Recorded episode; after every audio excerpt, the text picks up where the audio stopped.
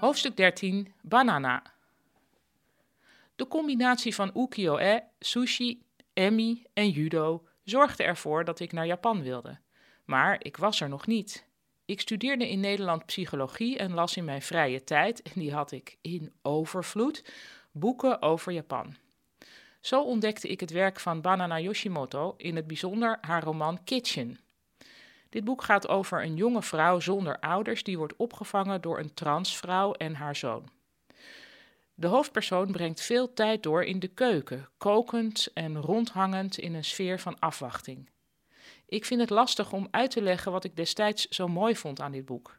Misschien dat er zo weinig werd uitgelegd in het verhaal. De stemmingen van de hoofdpersoon waren af te lezen aan het weer. Geen van de personages was erg gaman. Ze praten eindeloos met elkaar en dronken gerstethee. Ik herinner me van die tijd dat ik dacht: ik wil ook in Japan zijn en gerstethee drinken. En even terzijde over Japanse boeken. Een Japans boek sla je naar westerse standaarden aan de verkeerde kant open. De regels lopen verticaal, dus van boven naar beneden en van rechts naar links.